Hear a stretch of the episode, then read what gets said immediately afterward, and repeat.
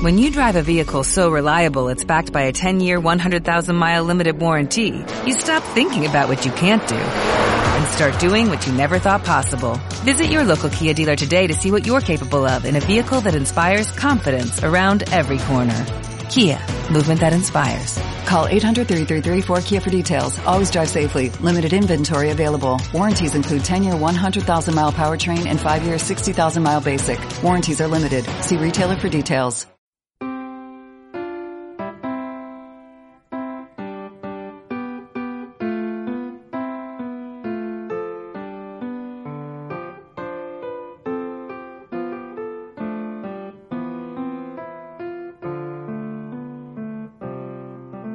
Comença Periscopi Gelidenc. Entrevistem personatges coneguts i desconeguts de Gelida. Amb Daniel García Peris i Anna Coma. A Ràdio Gelida.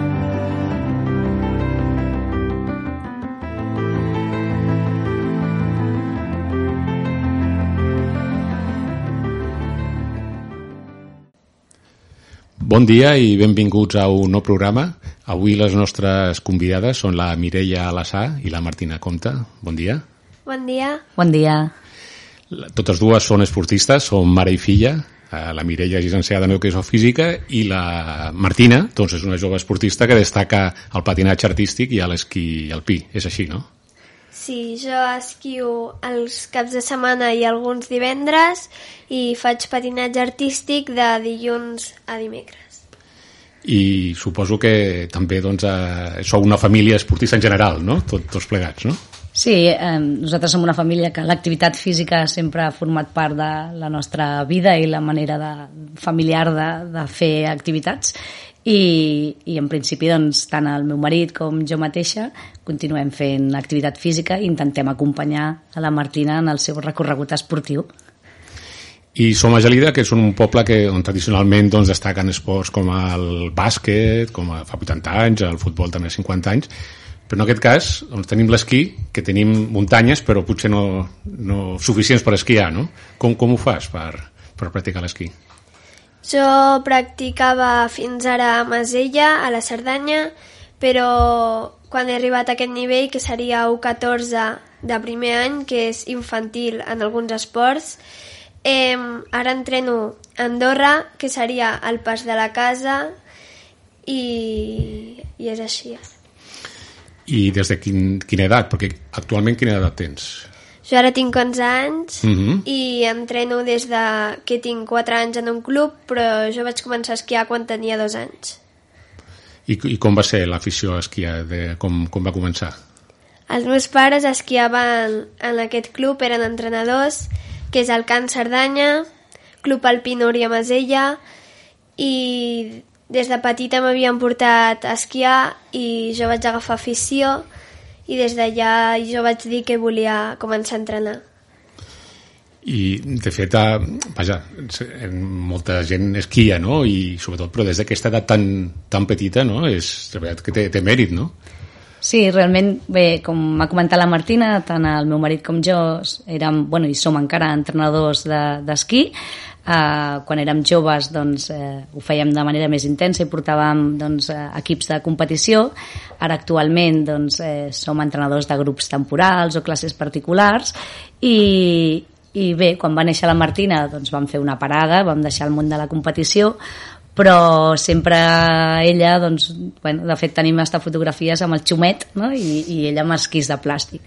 I a partir del que tenia més o menys doncs, això 4 anys, a P4, doncs va començar el club, eh, fins que no en tenen 7 o 8 no competeixen, no, no estan competint, però sí que estan entrenant durant 5 hores i agafant les habilitats motrius bàsiques de l'esquí, no?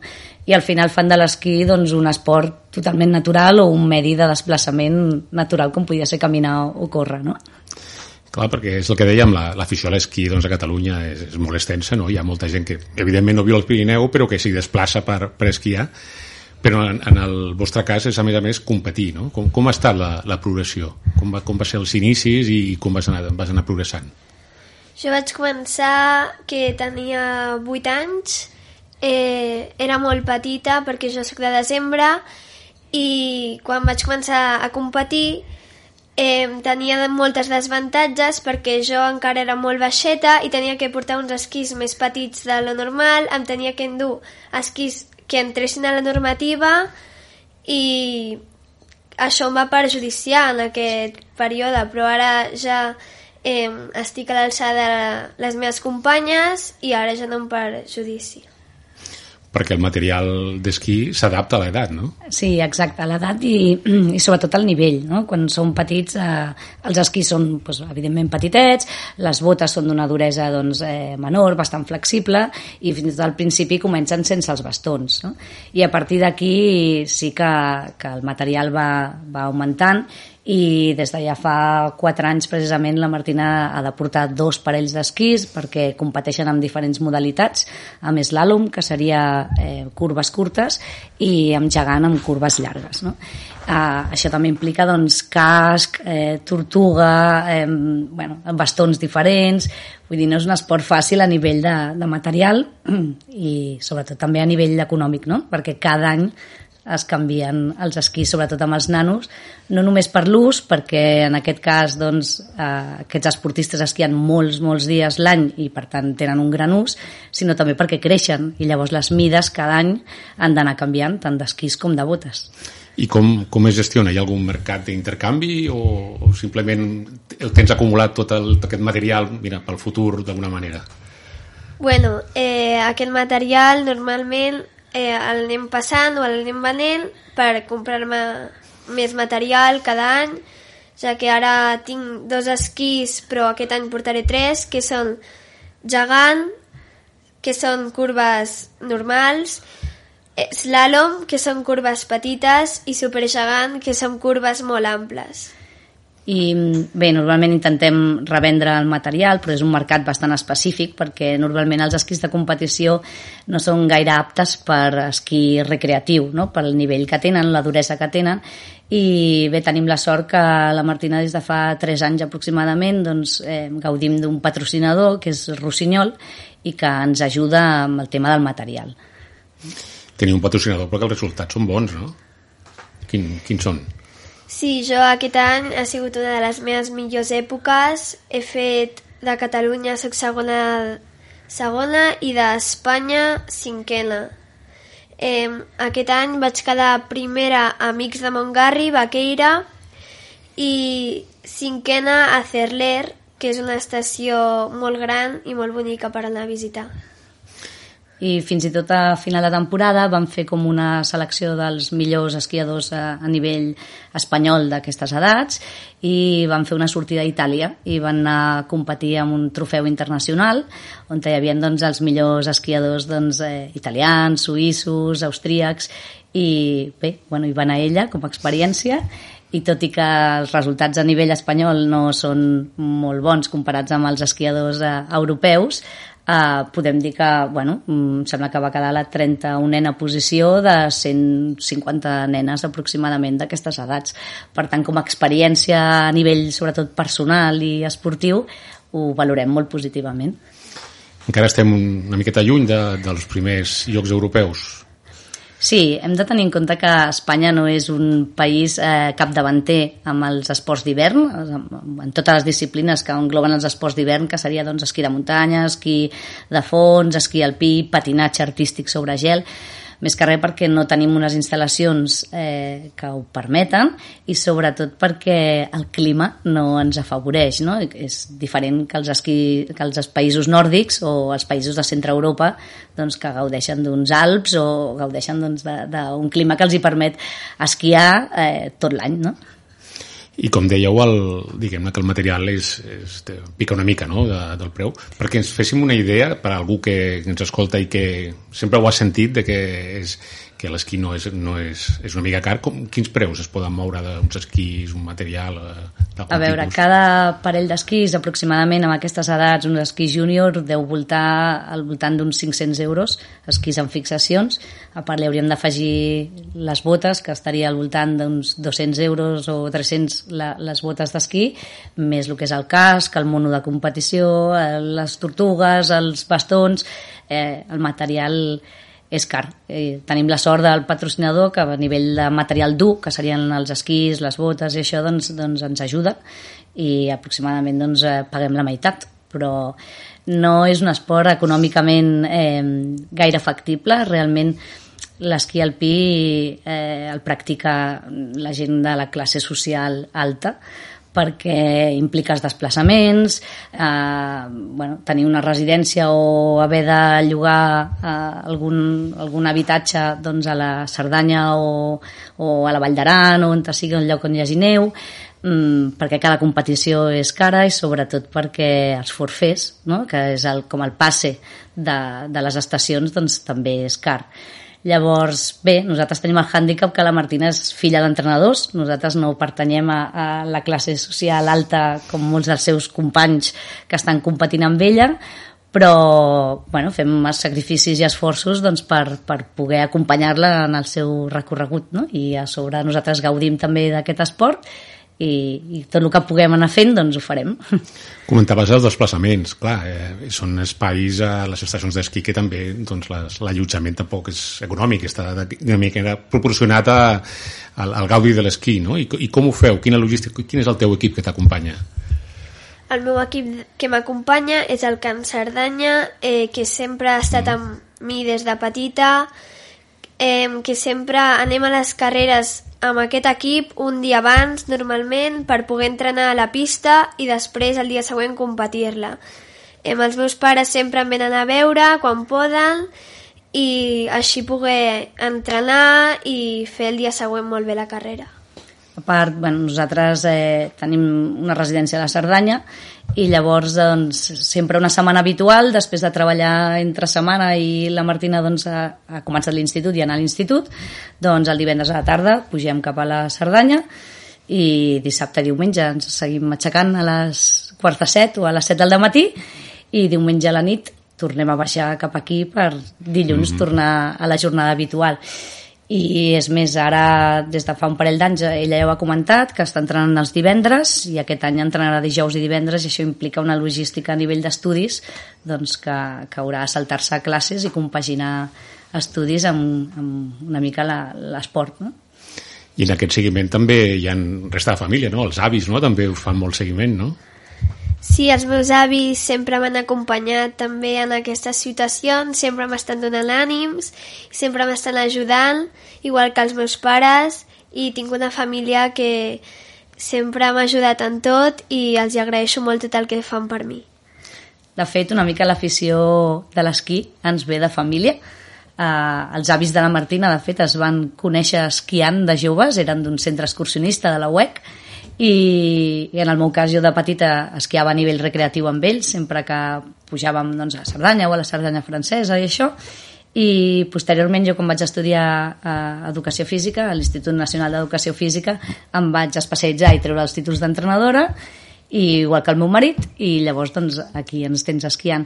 Ara mateix els avis ja no esquien per l'edat que tenen eh, i sí que intenten venir a veure la Martina a les curses sempre i quan la cursa es faci en una pista que arribi a baix de l'estació, que no és sempre. I si no, sempre la federació fa un seguiment a través d'unes de, bueno, pàgines webs mm -hmm. on te, online pots estar veient en tot moment el temps que està fent amb la baixada i en quina posició i llavors sempre els tenim online a cada cursa i estan allà connectats a veure quins són els resultats que, que està fent la Martina.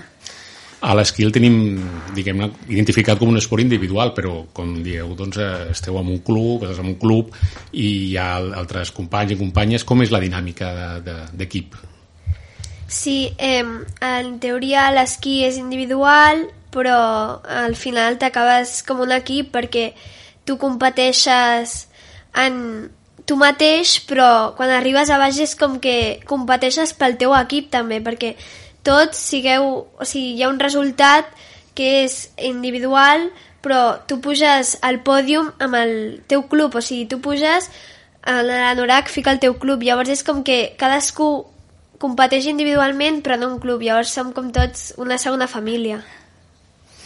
eh, de vegades veiem aquelles imatges doncs, amb aquests tipus de categories, no? que és el futbol o el bàsquet, allò que mm, un entrenador diu, doncs mira, deixeu-vos ficar aquest gol perquè ha tingut un problema, el que sigui, perquè l'important és participar. En el cas de l'esquí, eh, es donen algun tipus de, de situacions similars o, o com, com es pot fer a aquestes edats doncs, de tenir aquest sentiment? Um, realment l'esquí és un esport individual, totalment, en el sentit de que competeixes tu contra tu mateix, contra un crono, no? contra un cronòmetre i contra el teu temps i amb una baixada. En realitat, eh, cada esportista baixa relativament amb les mateixes condicions perquè la pista s'han marcat unes curves determinades i, i tots hem de passar pel mateix camí. És cert que hi ha un sorteig de dorsals i en funció del número que t'hagi tocat de dorsals surts amb un ordre o un altre i per tant et trobaràs la pista en millors o pitjors condicions. Llavors, eh, els equips sí que de vegades en aquest sorteig eh, poden determinar quin dels seus eh, bueno, participants van dintre dels 30, per exemple, primers que baixen. Vale? Llavors, aquí és l'única jugada que es pot fer a partir d'aquí la sort també implica molt i, i per exemple, normalment són dos mànigues, dos baixades eh, que formen part d'aquesta competició i el resultat és la suma del temps de les dues mànigues. Per tant, l'estratègia ve una mica en fer dos bones baixades per obtenir el millor temps, no? O si a la primera baixada no has fet tant millor temps, a la segona t'arriscaràs eh, doncs més. I si caus a la primera, doncs malauradament ja estàs fora. I per tant la segona et serveix com un entrenament més en situació de competició. I tot això s'ha d'anar gestionant, sobretot individualment, amb els entrenadors, aquest sentiment de saber perdre, saber eh, guanyar no? de manera esportiva sense, sense, bueno, i acceptar el teu propi resultat i, i amb els entrenaments és quan fan més equip perquè quan tens un equip potent de nanos eh, l'entrenament va millor i per tant els resultats són millors no? si els nanos doncs, no tenen ganes d'entrenar doncs s'encomana i els resultats no seran bons no? I quin seria l'objectiu així una miqueta a llarg termini? El meu objectiu és millorar cada vegada la meva baixada també és poder o sigui, per mi, guanyar és una cosa més. O sigui, el meu, el meu esport és com que quan baixo em sento lliure, em sento superbé, és com una passió que tinc. Llavors, per mi, cada baixada és el que compta. Jo m'haig d'esforçar i ho haig de fer bé. És una competició amb mi mateixa, no és... O sigui, guanyar o no guanyar t'importa perquè per part em puges a pòdium, guanyes un premi, és molt divertit, però m'esforço per mi mateixa, per als meus resultats. Et veus amb uns Jocs Olímpics d'hivern, les Olimpiades? No crec perquè, com, hem, com ha dit la meva mare abans, a Espanya no som un país de neu on hi hagi molta neu i, clar, les italianes que jo aquest estiu vaig anar a competir una, com una Copa a Europa que no seria així i hem vist que estem molt lluny perquè les italianes, les franceses, les suïsses, totes aquestes entrenen molt, però molt. Llavors, eh, Espanya no té quasi res a fer. Bé, a més, jo crec que cada vegada la federació està intentant eh, ajudar la federació espanyola a aquests joves esportistes, però les federacions no tenen masses recursos Um, actualment, bueno, i aquí al poble hem tingut una gran esportista, una gran esquiadora, que era la Júlia Bargalló. Sí, la, la vam tenir aquí al programa. Sí, sí, sí. Que ella bueno, va estar a l'equip nacional mm i finalment per falta de recursos econòmics ella no va poder participar als Jocs Olímpics i va abandonar la seva carrera esportiva, no? Llavors, a nivell de futur, jo com a mare, jo no pretenc que la Martina sigui una esquiadora de competició del nivell o que es guanyi la vida com a esportista professional, perquè això és difícil en un esport minoritari, si més no que, que el fet de fer un esport de competició li aporti una sèrie de valors que els pugui transmetre a la seva vida quotidiana esforç, doncs esforç, eh, acceptació de resultats, sacrifici, perquè en comporta molts, no? i que això doncs, cada vegada jo crec que també les empreses estan buscant perfils eh, d'esportistes per aplicar doncs, a, als valors a l'hora de les empreses a l'hora de treballar. I una mica doncs, bueno, viure en un entorn saludable, bàsicament, que els caps de setmana els tenim invertits amb l'esport i que ens hem d'aixecar d'hora i com puguem retrasar més o moderar més doncs, eh, el sortir de nit o altres hàbits que no són tan saludables, doncs, doncs millor. Com a pares nosaltres eh, el que pretenem és això, que s'ho passi bé i, i educar-la al màxim possible en uns hàbits eh, saludables i, i, i ja està. I la pràctica esportiva s'ha de combinar, en aquest cas teu, de, de nivell, amb els estudis. Com, com ho fas? Sí, jo fins ara ho estava fent molt bé. Clar, ara ja he entrat a l'institut i tot és més difícil, però jo crec que ho podré combinar. M'haig d'esforçar, això sí, per, fer, per dir-los a tots els professors que m'hauran de passar totes les tasques abans, perquè jo un moment estic competint. Clar, m'haig d'esperar fins que acabi la carrera i tot això, llavors no puc fer els deures, ni estudiar, ni fer els exàmens que hi ha per aquell dia. Per mi això no són com les vacances, jo vaig allà a competir i no me'n vaig de vacances, no puc entre... o sigui, no puc fer els deures ni estudiar, llavors m'ho han de passar abans i jo ho faig, per això hi ha un programa que és l'esquí estudi, que a mi m'agradaria fer-lo, però econòmicament és molt difícil i a part, clar, no em dedicaré a l'esquí. Llavors em vaig a fer un pensament sobre què preferiria. I en el futur què, què t'agradaria, diguem-ne, estudiar, quina carrera fer, carrera, diguem-ne, d'estudis, no? universitària, relacionada amb l'esquí o relacionada amb l'esport? A mi l'esport i l'esquí és una cosa que m'agrada moltíssim però com a carrera jo crec que no. Jo vull ser o arquitecta o estudiar medicina i jo crec que, perquè a mi m'agrada molt l'interiorisme o pediatria, aquestes coses m'agraden molt i jo vull combinar els meus estudis amb això, llavors jo crec que em serà difícil, però jo vull arribar a ser perquè per si, si no fos prou a l'esquí, doncs també practiques un altre esport i també amb, amb, una, amb un nivell altíssim, que és el patinatge artístic sobre rodes, no? I això ho fas a Sant Esteve.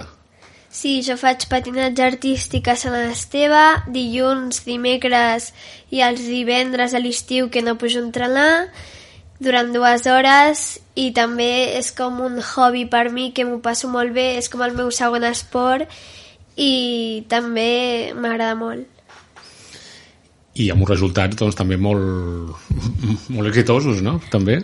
Sí, eh, a nivell de patinatge artístic, realment si estigués en un club mm, potser més seriós o amb més tradició de, de patinatge, com n'hi ha d'altres a Catalunya, no? com podríem dir el, a Olot o a Girona, no? que estan a, a alts nivells mundials, doncs segurament la Martina doncs, tindria més recorregut, de, però bueno, logísticament ella des de petita patina aquí a Sant Esteve Sarrovires, és un esport que li serveix per complementar l'esquí, perquè no només a nivell de condició física i de mantenir doncs, un nivell de forma física adequat per l'esquí, sinó també té força sinergies positives, com és el tema de l'equilibri, no? o la posició, són esports de lliscament, bàsicament, que sempre l'han ajudat.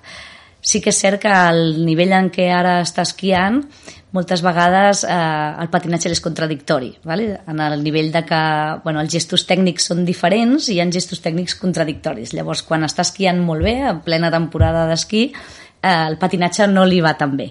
Però tenim la sort que a Sant Esteve Sarrovires doncs, l'entrenadora li respecta un munt i, i bueno, ella està encantada perquè la Martina, si més no, té una disciplina d'entreno doncs, que altres noies que van a patinar doncs, més de hobby no, no la tenen. No? Llavors, ella ho compagina molt bé i d'aquesta manera entre setmana doncs, també es manté un bon nivell físic, tot i que a nivell d'esquí també té un programa físic específic, que el fem les tardes que no, que no patina, i invertim una horeta almenys cada dia que no, que no patina per fer el programa físic específic, però en patinatge doncs, la complementa molt bé a nivell esportiu i té les tardes ocupades una mica fent una activitat física que avui en dia és, és, és molt positiu no? i no està sedentàriament eh, mirant la tele no? o, o a les pantalles.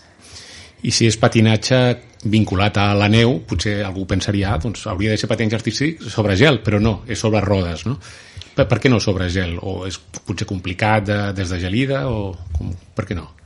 Eh, perquè jo des de petita m'havia agradat veure per la tele el que era el patinatge artístic i sobre gel com era molt lluny, era a Barcelona o a la Cerdanya, doncs no m'agradava tant. A mi m'agradava sobre quatre rodes i poder lliscar. Sí que el, el sobregel és més relacionat amb l'esquí, però en no ho sembli no, no és gens relacionat perquè a l'esquí la sola és plana, o sigui, tu llisques sobre ella mateixa o sobre el canto exterior o interior, en canvi, al patinatge sobre gel tens una cotxilla al mig que tens totalment l'equilibri al contrari que l'esquí. Llavors, a mi m'agradava més el patinatge artístic, que per mi era més elegant. I alhora, sobretot, és el tema logístic. Aquí a, a Catalunya només hi ha dos pistes de gel, a, a Barcelona, al, al Barça, mm -hmm. i a la Cerdanya, Puigcerdà. Per tant, eh, les possibilitats de poder practicar mm, patinatge artístic sobre gel doncs, es compliquen, no? Em sembla que també n'hi ha Andorra, però ja et dic, a Jaca, a Madrid i poc més. Vull dir, realment per això diem que és un país on no tenim tradició d'esports d'hivern i, i la logística es complica. I patinatge individual també o, o fas alguns números de, de grup com aquests que veiem a la tele de vegades aquests clubs d'Olot o de Girona? Bueno, jo patino individualment també, els, meus, els meus dos esports que practico són individuals. Eh, sí que el patinatge alguna vegada l'he practicat en algun festival amb grup, però no m'acaba d'agradar tant. I m'agrada fer els, els esports individualment perquè em sento jo mateixa i em sento una persona que està fent l'esport que m'agrada molt. Alhora, una mica a mi com a mare sí que m'agradaria que fes esport col·lectiu perquè eh, crec que aporta eh, valors diferents de vegades que l'esport individual eh, però precisament, per exemple, aquí a Sant Esteve Sarrubida no es fa la modalitat de show, que seria la mm. modalitat de patinatge artístic en grup, i sí que en festivals o així fan números d'equip, però no hi ha la modalitat de show a mi com a mare sí que m'agradaria que ho fes, eh, per complementar la seva formació. Però, bueno, també el fet de que estigui esquiant i té el compromís, sobretot durant temporada d'hivern, d'esquiar, doncs no facilita les coses de que pugui fer un esport complementari d'equip perquè una cosa és que quan competeixes individualment, si tu no estàs entrenant, doncs t'afecta tu mateix però si participes en un esport col·lectiu o d'equip, o en aquest cas fes patinatge de show, durant els 3 o 4 mesos que ella no hi és, com ho faria l'equip, no? Llavors repercutiria sobre els altres. Llavors és complicat, és complicat de poder-ho compaginar. I a nivell de logística familiar, eh, allò que dèiem abans de l'esquí, doncs les despeses, no? en el cas del patinatge no, no ho és tant, no? No, no, no ho és tant. El material tampoc és, és barat, o sigui, mm -hmm. els patins, bueno, potser no cada temporada, però cada dos anys o així s'han d'anar canviant i estem parlant d'un valor d'uns 400 euros aproximadament per patins. déu nhi però sí que el tema de rodes s'ha d'anar canviant sovint perquè almenys dos o tres cops a la temporada perquè es van desgastant però sí que és veritat que l'equipació és diferent no? I, i les quotes sobretot d'entrenament de, doncs vindria a ser com qualsevol altre esport no? com si practico futbol o practico i llavors doncs les quotes mensuals són molt més barates que no el tema de l'esquí i de material veiem aquestes equipacions de, de, de, de colors brillants no? d'aquests mallots no? això no, suposo que és cosa del club no, no pot triar cada... Bé, hi ha una normativa mm. en realitat a, a nivell de federació que estableix que els mallots, eh, per exemple, només poden tenir els brillants de certa mida, no poden haver-hi transparències en certs llocs, i a partir d'aquí sí que els colors eh, són els que estableix el club i hi ha equipacions de club. No? No, això està marcat per normativa. I les músiques de, la, de les figures, de, de, com, com es trien? Bueno, l'entrenadora ens tria una música i després, a partir d'aquí, tu pots escollir una de les... O sigui, et deixa escollir més o menys entre tres músiques i a partir d'aquí tu escollis la que més vulguis i ella et munta un programa en el que tu vulguis i surti el reglament. I parlant, ara que parlàvem d'esquí i de patinatge, com tothom, i més de la teva edat, té uns referents, no? Quins són els teus referents de, tant dels dos esports? Els meus referents en el meu esport de l'esquí és la Micaela Schifrin i en el meu esport del patinatge és la noia que es diu Screech, que és catalana, que ha anat al, a fer una competició i li ha sortit molt bé i jo per mi ella, en què no sigui molt llunya, ha quedat segona i és un referent per mi. I la de l'esquí perquè, perquè la tens com a referent? Eh, perquè des de petita per mi era la Lindsay Ball, però fins i tot jo el meu casco és, és firmat per ella, però eh, es va retirar després d'unes 42 lesions, crec que va tenir, es va acabar retirant i la nova campiona del món d'esquí és la Micaela Schifrin, que també és molt bona esquiant i per mi és un referent poder, poder esquiar com ella. Dius que tens el cas signat, eh, tens algunes manies a l'hora de competir eh, amb un a l'altre, eh, això, fer servir la mateixa roba, aquest cas que està signat? Bueno, el meu casc eh, és un model que ella va treure, és el seu casco que un patrocinador seu eh, li va fer un casco i estava a la venda i jo me'l vaig comprar perquè era la meva, era la meva ídol, com es podria dir, i el segueixo portant perquè per mi ho segueix siguent en què estigui retirada. I no, no m'importa que la gent porti el mateix perquè és com el referent que tot, tota persona que esquia o que es dedica a l'esquí pot, pot ser el seu referent o com ara que és la Micaela Schifrin són els nostres referents i... Molt bé. I manies sí que en tens. Manies, sí, no? Sí, bueno, manies... Tothom té, una, esportistes de, de competició tenen algunes manies. Sí, amb els mitjons jo tinc moltes manies.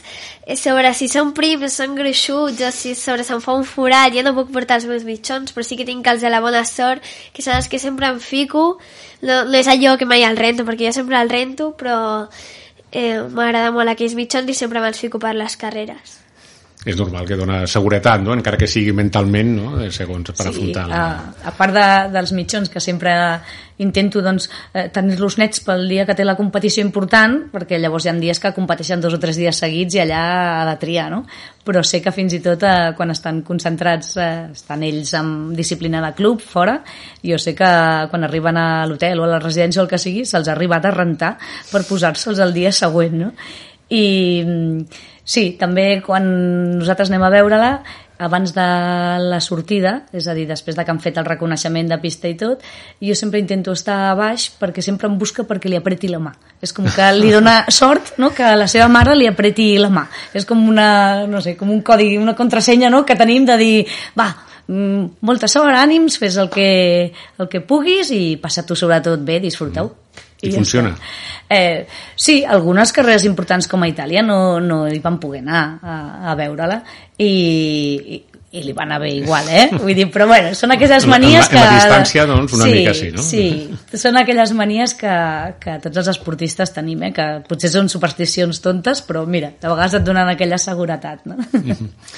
Doncs Mireia i Martina, estem arribant a aquest punt del programa, doncs demanem a les nostres convidades que triïn una cançó que els hi agrada Quina és la vostra i, i per què l'heu triada? Jo he triat la cançó de Viva la vida, de Coldplay, perquè sempre abans de cada carrera també és com una mania o una afició que tinc, que és ficar-la, perquè em dóna sort. Si un dia la vaig ficar i la vaig escoltar, i a partir d'allà vaig dir, jo vull aquesta cançó per escoltar-la cada dia. I em dóna ànims i m'agrada molt aquella cançó. Perfecte. Doncs l'Anna, que la tenim al control, ens la podrà posar.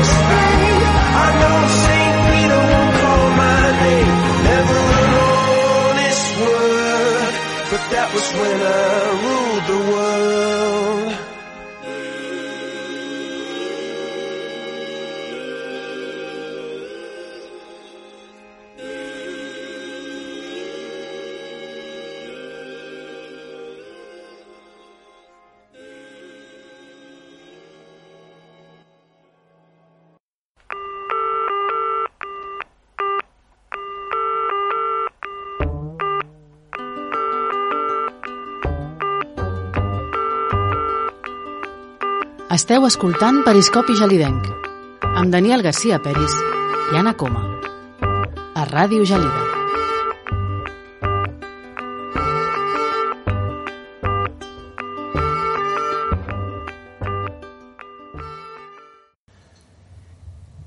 Seguim conversant amb la Mireia Lasà i la Martina Comte de l'esport, de, de l'esport que practiques, Martina, de l'esquí alpí i del, i del patinatge artístic, però també voldríem parlar una miqueta de, de, en aquesta edat no, teva, de, de joventut, d'adolescència, de com, com és la pràctica esportiva. No? I tu, Martina, que ets professora no? eh, de- d'educació física, doncs ho coneixes bé. Doncs sí, jo des de fa aproximadament... Bueno, soc llicenciada en, en Ciències de l'Activitat Física i l'Esport a l'INEF de Barcelona, ja fa uns quants anys, i sempre m'he dedicat professionalment al tema esportiu. Primer de tot vaig estar molt vinculada a la gestió esportiva eh, municipal, treballava per una empresa que gestionava instal·lacions esportives, eh, bueno, poliesportius municipals, i des de fa aproximadament 7 o 8 anys he fet el canvi a docència, Actualment sóc professora d'Educació Física a un institut de secundària. Aquest any porto quart d'ESO i primer de batxillerat. I a nivell de l'adolescència és complicat. És aquella etapa en què eh, hi ha molta diferència entre l'alumnat o entre els mateixos eh, nanos d'aquestes edats. Aquells nanos que actualment, bueno, que sempre han fet un esport competitiu, a l'adolescència normalment continuen fent-lo, en canvi, els nanos que no han fet un esport competitiu arriba a l'adolescència i deixen de practicar activitat física, i aquest és el problema. O sigui, jo crec que no hem de pretendre que tothom competeixi, jo crec que això és, és innat amb, amb, amb alguns nanos, però sí que és important integrar l'activitat física dins de la, la vida quotidiana de, dels nostres alumnes, no? i aquest és l'objectiu principal de l'educació física, més que res sempre vinculat als hàbits de salut, que de fet doncs, eh, jo sempre els dic de cos en tenim un i depèn de com el cuidem eh, tindrem un tipus de vida o un altre no? i en aquest sentit el sedentarisme eh, les pantalles, les xarxes socials ha fet, ha, fa, bueno, fa molt mal en aquest sentit no? i sobretot l'esport femení l'esport femení a la- a l'adolescència és quan baixa molt sobretot a nivells de primer, segon, tercer d'ESO, fins que no tornen a enganxar-se a programes d'activitat física de lleure, com anar al gimnàs o fer algun tipus d'activitat dirigida, aquesta etapa abandonen l'activitat física totalment i ens trobem amb nivells de sedentarisme i, bueno, que comporten doncs, eh, obesitat, comporten doncs, mals hàbits, no? i creiem que això és un, és un problema a nivell de societat. Eh? Sí, perquè els estudis i les estadístiques doncs, es, eh, diuen doncs, que els que es dediquen a esport doncs, es dediquen més intensament no? quan arriba a aquesta, a aquesta edat i els que feien poquet doncs, ja definitivament l'abandonen no? i el cas, en el cas femení és encara més, més pronunciat. No? Com es podria revertir la, la situació? Doncs Primer jo crec que és conscienciar a la societat en general i cada vegada jo crec que la, que la societat està més conscienciada que l'activitat física és, és una eina per cuidar la nostra salut, que és indispensable. Eh, I llavors fins i tot jo faig la reflexió de que quan els alumnes treuen males notes, sobretot més quan són petits, els castiguen sense fer el futbol o sense fer el bàsquet, perquè és com que perden temps. No, no, l'estan invertint o sigui, eh, en canvi, per exemple, quan suspenen educació física, no els hi posen cap reforç, eh, no els apunten a un gimnàs o a fer una activitat no esportiva. Greu, Exacte. greu, per dir alguna cosa. Encara, no? jo crec que queda molt per conscienciar la societat de que l'educació física no és una maria, com s'ha considerat sempre, sinó que és una educació d'una manera de, de viure de manera saludable. Jo sempre ho dic, no hi ha mates si no hi ha salut per tant, jo crec que l'educació física s'hauria de, de, de valorar molt més. I jo crec que aquesta conscienciació passa perquè les mateixes famílies li donguin la importància que, que es mereix, no? a nivell de, de, de la, dels hàbits eh, saludables, de fer activitat física, de tot el que ve associat no? amb el nivell de salut. Ja et dic, hem de separar el que és educació física de l'activitat esportiva de competició. Eh? Vull dir, això és molt, molt diferent. I llavors, d'altra banda, doncs, millorar per exemple, a nivell municipal, l'oferta esportiva femenina. Si ens hi fixem aquí a Gelida mateix, eh, crec que a partir de l'ESO hi ha poca oferta esportiva. També estem parlant que és un poble petit i té les instal·lacions que té, però ara mateix si alguna noia vol començar a fer alguna activitat esportiva, mmm, equip femení de futbol no n'hi ha a partir de l'adolescència. Bàsquet no ho sé segur, però crec que tampoc hi ha equip específic de bàsquet bàsicament poden fer gimnàstica, alguna activitat de hip-hop o així, i em sembla que hi ha alguna de vòlei, però res més. I llavors és una llàstima que a nivell familiar i logísticament les famílies que volen que els seus fills facin, o filles sobretot, facin activitat física o esport, han de desplaçar-se bueno, i es complica el tema, per tant el sacrifici és major. No? Clar, perquè, per exemple, Martina, tu, en els teus amics, el teu entorn, com, com es veu el fet de, de practicar esport? I en el teu cas, més encara intensament. Clar, les meves amigues de l'escola sí que practiquen esports, però clar, li preguntes a les meves amigues i una el fa al Martorell, l'altra el fa Vilafranca, l'altra ningú el fa aquí. Algunes que juguen a vòlei, però ningú fa aquí un esport. Alguns nens que sí que juguen a futbol, però quasi tothom ho fa fora de Gelida. Jo crec que hauríem de ficar més esports aquí perquè fes, fer més poble, fer que la gent fi, fas, fem un equip aquí a Gelida d'esports. I qui són amics i amigues teves, els que no practiquen esport, quin, quins motius et donen per no fer-ho? No, no, no consideren que està, que està bé, dedicar el temps a altres coses? Em diuen que eh, l'esport que els agrada però que tenen moltes coses altres que fer i que no tenen temps i que per què fer esport si ja estan bé i que no fa falta fer esport. Jo crec que és totalment al contrari, que no ho estan fent bé. Jo per mi has de fer els estudis però també has de fer una part d'esport una part d'un esport que t'agradi. Si no t'agrada ningú esport, doncs proves un altre, però has de fer una part d'un esport. Clar, perquè estem, estem veient que aquesta situació tampoc és nova, no? la portem arrossegant des de sempre, però també s'afegeix doncs, el fet del sedentarisme a les pantalles, no? aquesta distracció, que això sí que encara és més difícil de, de lluitar-hi. No? Sí, jo crec que cada vegada doncs, el fet dels telèfons mòbils, eh, bueno, les plataformes no, com Netflix o HBO o el que sigui, eh, els nanos tenen una immediatesa a l'hora de veure les coses que, que enganxen, no? i a més està fet de manera que si als adults ens costa desenganxar-nos de certes coses, doncs als adolescents encara més. Jo no estic eh, en contra de la tecnologia ni molt menys. Jo, de fet, com a professora d'educació física, moltes vegades treballo fent ús de plataformes esportives a, a, nivell- o amb el mòbil o el que sigui, sinó que jo crec que hem d'educar aquests adolescents en fer un bon ús no? d'aquesta tecnologia eh, per tal que sigui una eina per lluitar contra el sedentarisme. És a dir, jo sí que puc estar una tarda eh, veient una sèrie a Netflix, però el matí següent doncs, utilitza doncs, el mateix mòbil per anar-te'n a fer una ruta i la graves doncs, amb un Strava o tens eh, un Relive o tens bueno, eh, un Wikilog no? doncs, que t'ajuda a descobrir doncs, nous entorns, per exemple, aquí a Gelida mentre has fet activitat física. I què n'opines de les electrònics? Ui, Perquè tenen molt seguiment. Sí, dir. jo crec, a veure, per mi no és un esport en si, o sigui, per mi l'esport és activitat física i és moviment. Per tant, eh, els esports electrònics em costa considerar-los un esport com a sí. Sí que hi ha factors eh, eh, bueno, mentals o de coordinació, no? però bueno, és una manera d'acostar la cultura esportiva potser a tota una societat. Ara, com a activitat física, jo no ho considero... Potser sóc antiga, eh, amb això encara, i a poc a poc doncs, anirem veient l'evolució, però de moment a mi em costa. Tu, Martina, has, has, fet algun, has jugat algun simulador d'esquí, per exemple, o algun altre similar de- d'esports? Sí, jo he jugat a algun simulador com el meu pare que va comprar una cosa que és la Wii i hi havia una plataforma que tu et pujaves i simulaves com l'esquí, però per mi era totalment al contrari, o sigui, no, no...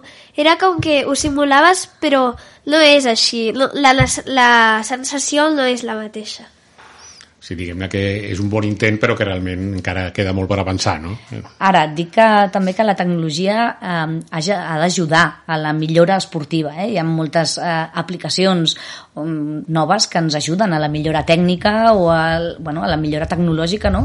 de, de lo que són els materials o dels cronometratges o el que sigui. Per tant, no està deslligada la tecnologia a l'activitat física. És a dir, jo deslligaria la tecnologia eh, de l'activitat física en el moment en què la tecnologia evita que hi hagi moviment però mm, d'altra banda jo crec que ha de ser complementari no? perquè també aquesta, diguem-ne, aquest boom de l'esport electrònic doncs, també és utilitzat una miqueta per apropar, com deies, doncs, a l'esport doncs, a, a persones d'aquesta edat. No? Per exemple, Mireia, des de la teva experiència de, com, com a gestora esportiva, doncs, què, què es podia fer més o, o diferent per, l'esport sigui més atractiu a nivell, a nivell local? a nivell local jo crec que mm, sobretot apropar l'oferta eh, als gustos de, de lo que és el, el, bueno, als joves no? Eh, no només esports d'equip com, com s'està fent en aquí o algun esport individual com és la gimnàstica que, que a més la vida esportiva de la gimnàstica és molt curteta, no?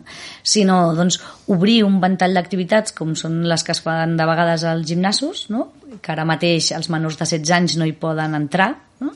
eh, doncs fer aquestes activitats com serien els spinnings utilitzant doncs, tecnologia o fent activitats doncs, eh, de, de musculació adaptada a, la, a, la seva, a les seves característiques o a la seva manera de fer perquè no ho facin o ells lliurement o no ho facin, sinó realment l'oferta esportiva hauria d'estar consensuada no? una mica amb els gustos de, del jovent d'aquí Gelida. I jo crec que començar per aquí seria lo, lo seu, no? I, i seguir incidint en aquesta divulgació, no? Parlàvem de l'esquí i bueno, des de fa molts anys tenim a Gelida el Gelida Esquí, no? que, que, que ha fet moltes sortides a la neu no? d'esquiadors de, d'esquiadors populars no? que, que han de continuar fent-les no? I, i seguir augmentant, malgrat que hem tingut aquesta etapa de, de pandèmia, però continuar endavant. No? Exacte, vull dir, Gelida Esquí, nosaltres eh, no hi hem participat directament perquè sempre estem vinculats a, al club de competició, però sí que Gelida Esquí ha fet diverses sortides que han vingut a, a Masella i ens hem eh, bueno, ajuntat amb ells o amb gent que és de, de gelí d'esquí i jo crec que la funció que sobretot tenen ells és d'apropar una mica doncs, a, o fer conèixer doncs, aquest esport a, als, als vilatans de- d'aquí de, de Gelida i jo crec que també una bona eina seria que des d'institucions com l'Institut mateix de Gelida, eh, des de les matèries d'educació física i no només des d'educació física sinó des de, bueno, des de direcció mateix, no? La, doncs es, es fes eh, un, una divulgació amb les diferents entitats esportives del poble, que hi hagués una sinergia i que els nanos poguessin conèixer quina és l'oferta esportiva i enganxar-los no? una mica a, a, aquesta, a aquesta dinàmica esportiva. No? I també en aquesta dinàmica és potenciar també caminades i curses populars, com per exemple la, la funimetrada, no? aquesta cursa tan singular que tenim a Gelida i que Matina la, la vas guanyar aquest any, no? aquesta festa major. Sí, jo no m'ho esperava. Eh, havia entrenat amb el meu club d'esquí, però això d'anar a sortir a córrer ho vaig fer una vegada amb el meu pare, però no va ser per la fonimetrada, va ser perquè volíem anar a córrer, però no m'ho esperava. Jo vaig anar a córrer, vaig fer la fonimetrada amb una amiga meva, però al final la vaig adelantar i la- vaig, a, vaig arribar a primera. No la vas esperar. De fet, aquest any vam córrer la funímetra de tota la família, una Sí. sí. mica per acompanyar a la Martina, que aquest any ja competia des de la funimetrada eh, absoluta, de, de, de, de, de, bueno, des de baix de, mm. del funi fins a dalt, i mm, ens va guanyar de llarg, eh, tant a mi de sobres com en el seu pare.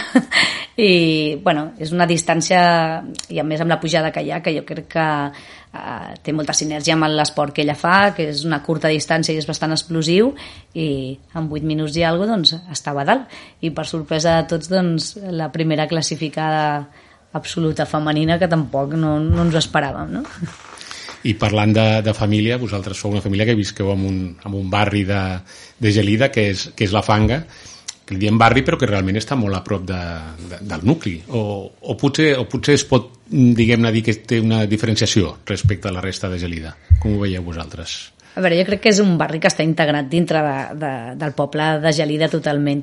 Com a diferències, que jo crec que és el carrer pla podríem dir, més llarg que tenim a Gelida. I degut a que hi ha l'escola de les fonts i a les característiques del terreny, doncs fa que de vegades és veritat, la fanga és un nucli de vegades una mica diferent, perquè tenim una piscina que compartim tots els veïns i això fa una mica que, que fas barri, no? com, com tu deies. Mm. I llavors doncs, hi ha una festa a l'estiu, que aquest any doncs, l'hem tornat a, a fer, i una miqueta sí que fas eh, barri, sobretot pel fet de la piscina, que és pla i que tens l'escola davant i per tant hi ha, hi ha moviment. No?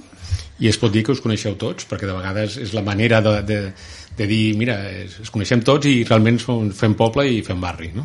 Bueno, sí, eh, amb alguns amics que viuen pel barri o anem ara cap a l'institut tots junts i això sí que fa que aquest barri eh, anem tots ja des d'aquí perquè amb algunes de les meves amigues que viuen lluny o tot això també van allà juntes. Llavors per barris més o menys anem tots cap allà De fet, el perfil una miqueta és molt similar, no? És un, és un barri que té poc més de 20 anys, no? I de les persones que han vingut a viure, doncs, parelles sí, que... jo crec que la gran majoria som nouvinguts d'això, de, de, de fa 15-20 anys, mm. eh, i que precisament mm, tota aquesta gent som els mateixos de sempre. No? Eh, sí que és veritat que hi ha gent més nova que tampoc s'integra de vegades al poble, però crec que sobretot el que fa que t'integris a Gelida també és la participació en les entitats eh, culturals, que precisament, en la meva opinió, és un poble ric a nivell de- d'entitats culturals i per exemple nosaltres participem a Diables des de sempre i això fa una mica que també facis,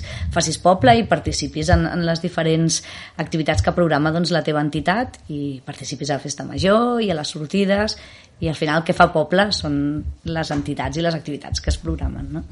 L'escola Les Fonts, no? que està ubicada en el, eh, allà mateix, doncs també deu fer de punt d'unió, no? també una miqueta.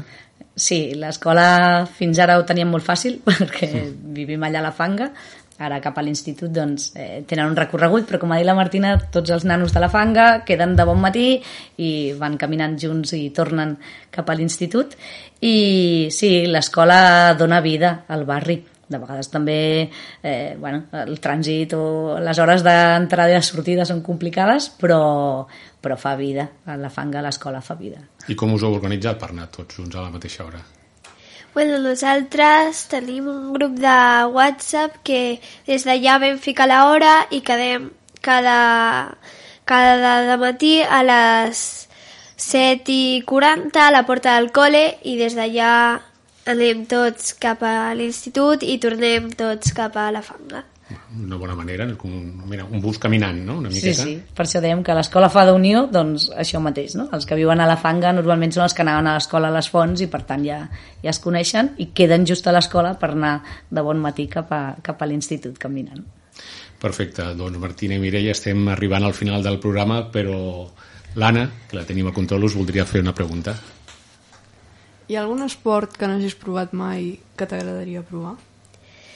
Eh, bueno, a mi eh, l'he provat mai el vòlei sí que l'he practicat alguna vegada amb el meu pare, però m'agradaria provar-lo perquè m'agrada i però el fer ja l'esquí i el patinatge jo crec que no no em sobra temps, no, tampoc, per fer vòlei, però a mi m'agradaria fer-lo.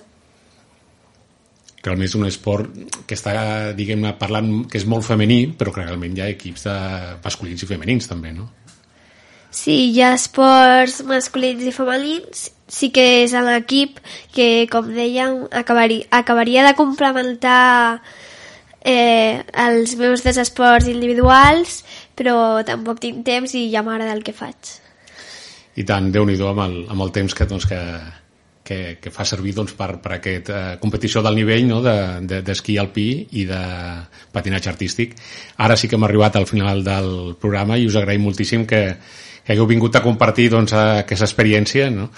i, esportiva i també doncs, de, de debat no? sobre la situació de, de l'esport que realment doncs, eh, hem de potenciar molt més per, sobretot entre els joves no? I, i sobretot en el, en el sector femení per seguir batallant doncs, perquè hi hagi cada vegada més, més pràctica. Doncs moltes gràcies per haver vingut.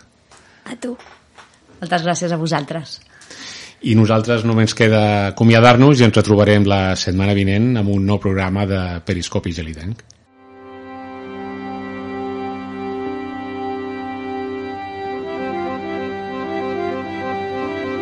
Heu escoltat Periscopi Gelidenc amb Daniel Garcia Peris i Anna Coma a Ràdio Gelida.